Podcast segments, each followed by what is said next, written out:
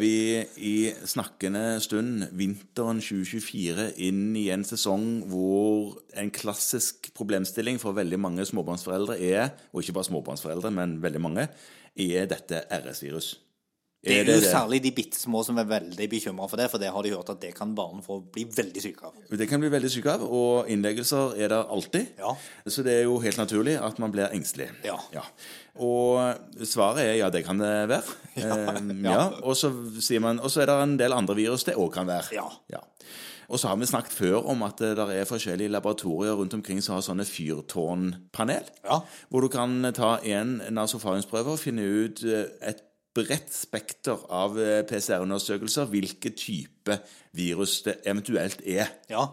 Du må jo si det at du trenger jo ikke være fyrtårn Nei. for å gjøre det. Nei, nei. Det kan alle gjøre. Ja, visst, Men ja, visst. disse fyrtårnene de gjør det jo litt systematisk. Ja, det er riktig. Godt poeng. Eh, Man kan ta den prøven. Ja. Og eh, spørsmålet egentlig som veldig mange vil ha svar på når de søker legehjelp, er jo skal jeg få antibiotika, Ja. eller skal jeg bare få råd om å drikke godt og ta eventuelt trossesaft og sove godt og spise bra og sånt? Ja.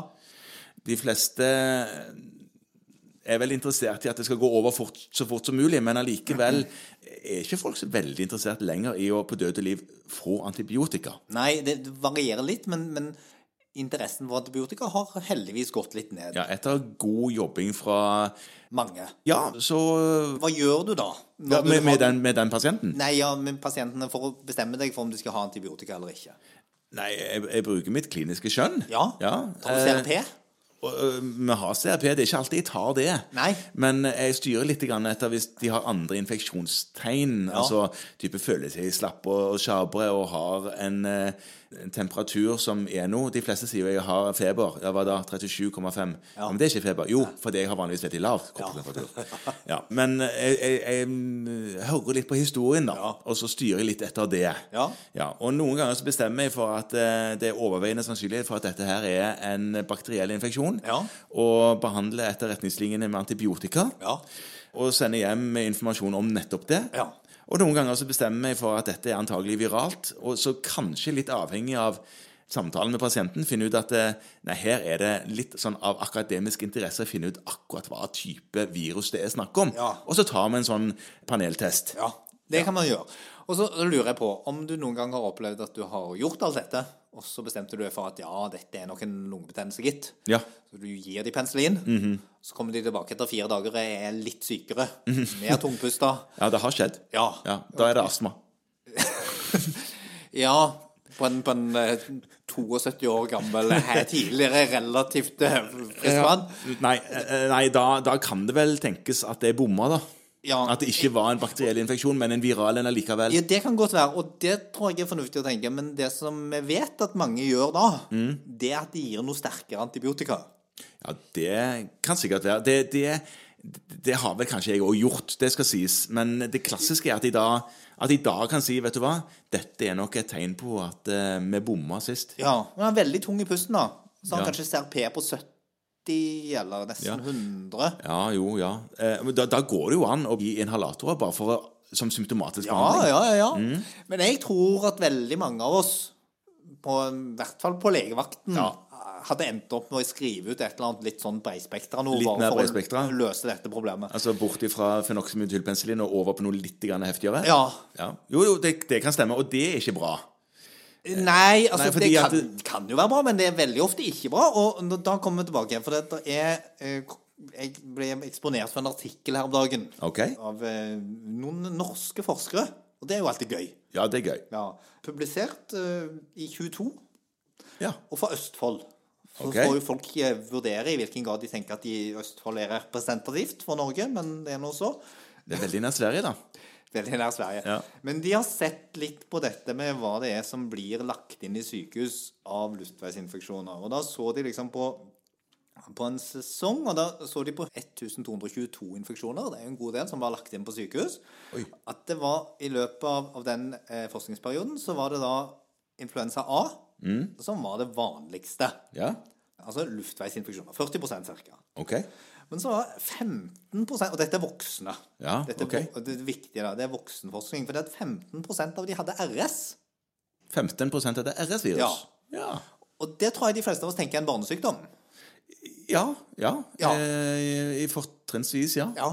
Og så hadde ca. 24% influensa B, og så hadde de litt forskjellige andre ting.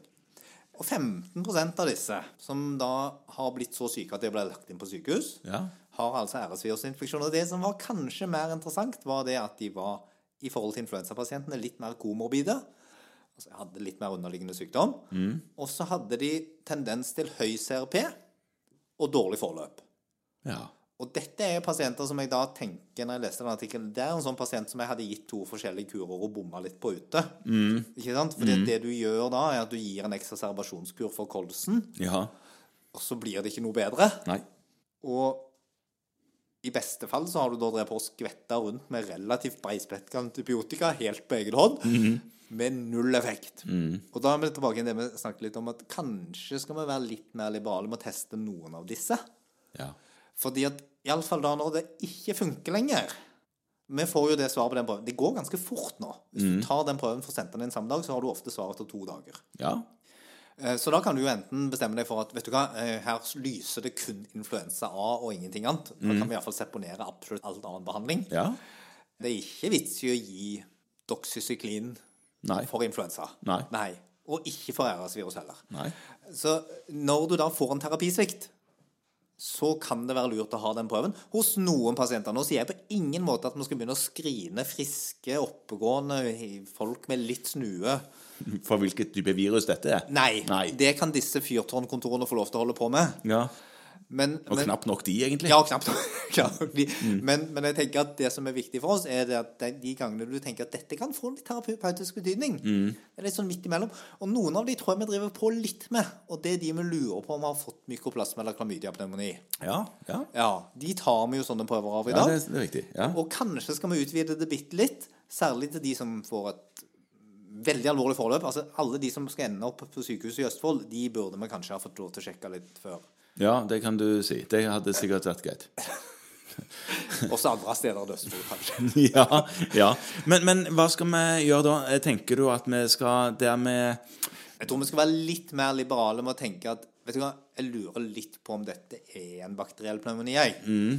Og så, sånn halvhøy CRB, Ja. så kanskje vi skal være litt mer liberale med å ta den testen.